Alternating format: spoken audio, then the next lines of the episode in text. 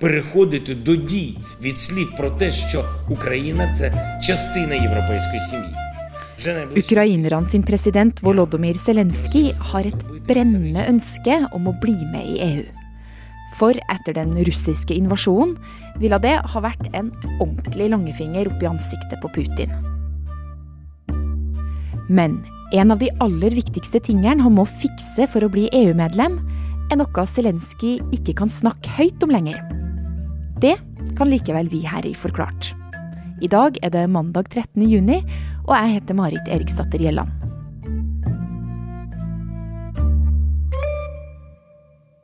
Значит так, закон один для всех.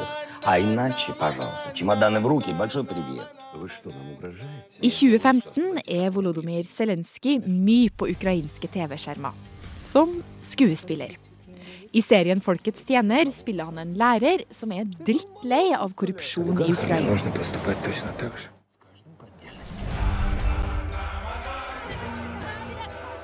Og denne TV-serien ble jo så populær nettopp fordi den traff en, en nerve. Korrupsjon har lenge vært veldig utbredt her i Ukraina. Gina Grieg Risnes er Aftenposten sin korrespondent i Kiev. Uh, før Russland kjørte over uh, grensen med stridsvogner 24.2, så var det korrupsjon som ble omtalt som landets fiende nummer én. Det var relativt vanlig å måtte betale ekstra for å komme raskere frem i køen for å se legen eller uh, eller tannlegen, og det var mange historier om sammenblanding av både politikk og business. Så land i Europa så var det bare Aserbajdsjan og Russland som skåret dårligere på korrupsjon. Det finnes mange eksempler også i, i militæret. F.eks. så kjøpte det ukrainske militæret inn 100 ambulans, ambulanser for fire år siden. De ble da kjøpt av et firma som var eid av en sjef i avdelingen for militære innkjøp. Men denne sjefen han var også gode venner med han som var president i Ukraina på den tiden. Så det er bare ett av mange eksempler på at korrupsjon har vært til stede også i militæret i Ukraina i mange år. Sånne her ting var altså ukrainere vant til. Og i TV-serien så ender læreren som Zelenskyj spiller, med å bli valgt til president. Men kanskje så fikk også Zelenskyj noen ideer fra manuset han pugga på denne tida. For i 2019 så stilte han selv til presidentvalget i Ukraina, og oppkalt partiet sitt etter TV-serien Folkets tjener. Ja, han står mot sjokolademilliardær og sittende president Petro Porosjenko, som er svært upopulær pga. utbredt korrupsjon og en svak økonomi.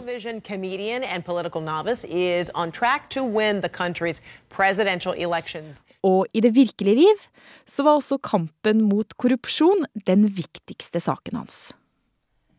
Ja, altså Det at Zelenskyj vant presidentvalget, ble på en måte et prakteksempel på at folk var møkk lei av korrupsjon i landet.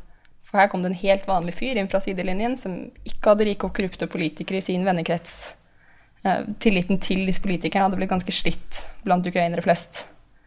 Eh, så da, Under sin presidentkampanje så lovet Zelenskyj en gigantisk innsats for å bekjempe korrupsjon, og det valget vet vi at han vant. Men selv, om, men selv, før han ble president, så hadde kampen mot korrupsjon beveget seg fremover. Uh, men det var først da han fikk nøkkelen til presidentkontoret, at han virkelig gikk hardt til verks. F.eks. så begynte han å gå målrettet etter uh, oligarker for å hindre dem fra å donere penger direkte til politiske partier, uh, og kjempet for å få mer åpenhet rundt korrupsjon. Så det ble gjort mye bra arbeid for å bedre problemet i Ukraina. Men så kom februar i år. Da rulla russiske tanks over grensa til Ukraina og starta den krigen vi ser nå. Russland har invadert Ukraina, kamper flere steder The country's president, Volodymyr Zelensky, has urged the army to stand firm Vladimir in the face Putin of the has launched a full-scale, wide-ranging attack on Ukraine. Og på grunn av krigen har temaet korrupsjon plutselig blitt tabu.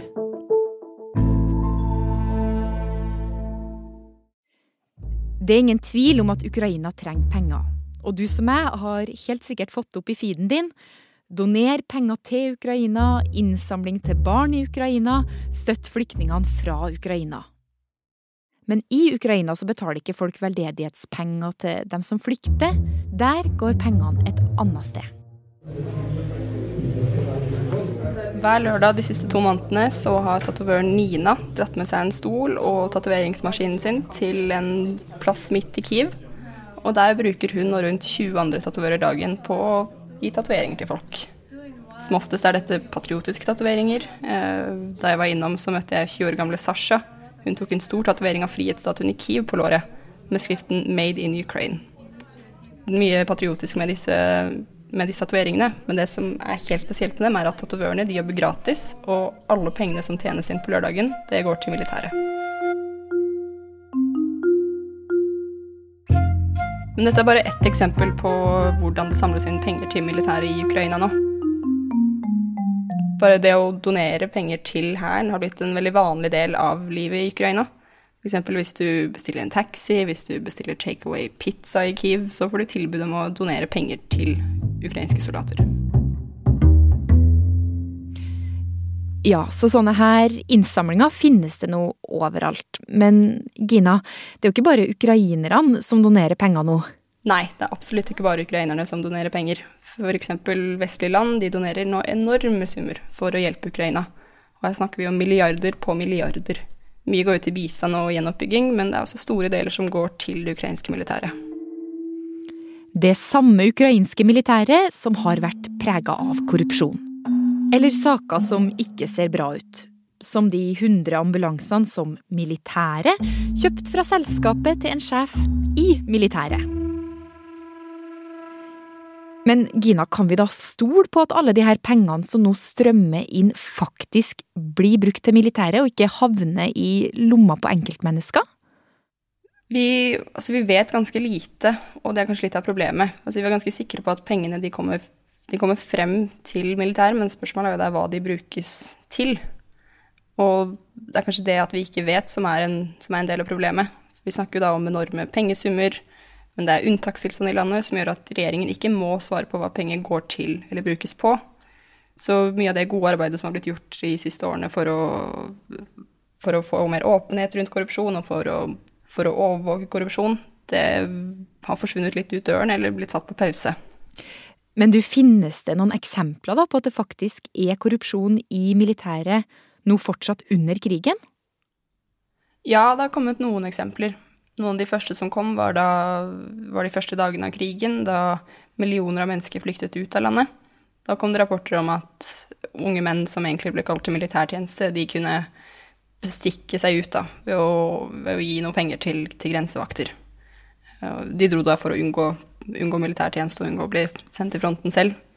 Uh, ellers har jeg snakket med fremmedkrigere her, her, som ikke ønsker å ha noe å gjøre med, med det ukrainske militæret, fordi de har sett penger som forsvinner under bordet. Men det er veldig lite åpenhet rundt dette, og det er veldig få som vil snakke om det nå. Men hvorfor ikke? Nei, altså det oppfattes rett og slett som litt upatriotisk blant de jeg har snakket med. Altså, det er liten tvil om at Ukraina fortsatt er et ganske korrupt land. Uh, Ukraina scorer dårlig på, på, korrupsjonsindekser.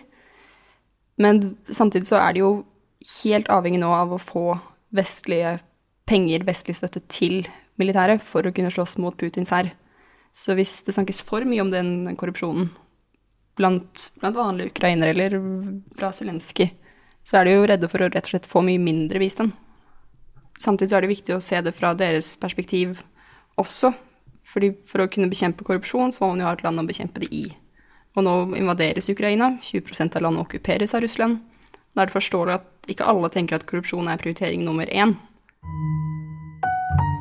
Ja, det er forståelig. Ukraina har jo mye annet å bruke kreftene sine på nå.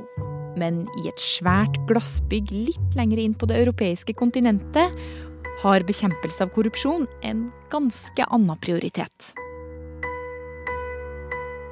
For Zelenskyj har søkt om å få Ukraina inn i EU for å sikre hjelp til å bygge opp landet etter krigen, og fordi et medlemskap ville ha vært en stor fuck you til Putin.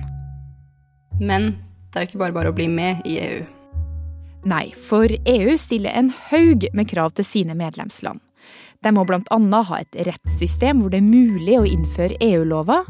De må ha et godt demokrati, og ikke minst en velfungerende økonomi.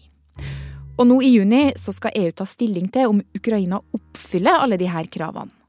Men Gina, hvor stort problem kan all denne korrupsjonen som ingen vil snakke om, bli for Ukraina sin EU-søknad? Det kan bli stort. Eh, vi vet at det har vært en utfordring før, f.eks. med Ukrainas ambisjoner om å bli medlem av Nato. På akkurat denne tiden av året for ca. ett år siden så sa USAs president Joe Biden at korrupsjon i Ukraina det er en snublestein for landets ambisjoner om å bli med i Nato. Og nå er det ikke Nato vi snakker om, men det er, det er EU, og der kan det også bli, bli en utfordring. Nylig så besøkte um, en av Ukrainas toppolitikere eh, Brussel. Det er hun som har ansvar for eh, europeisk integrasjon i Ukraina. Om andre ord så er hun veldig sentral i arbeidet med å få til et mulig ukrainsk EU-medlemskap. Og under det møtet så skal hun ha lagt veldig vekt på at Ukraina nå oppfyller eh, flere av kravene for å bli et fullverdig medlem, og i tillegg til at landet har opprettet flere antikorrupsjonsorganisasjoner.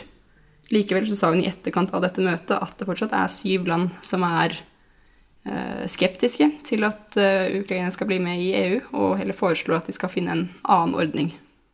Ja, så Ukraina selv ser litt på ulike veier til tettere europeisk samarbeid.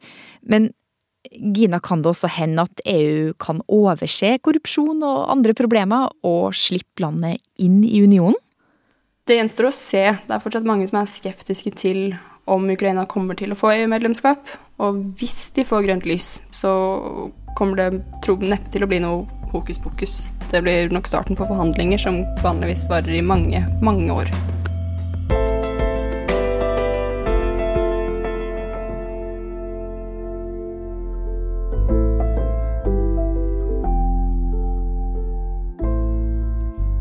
I denne episoden har du hørt korrespondent Gina Grieg Risnes fortelle om korrupsjonsproblemene i Ukraina.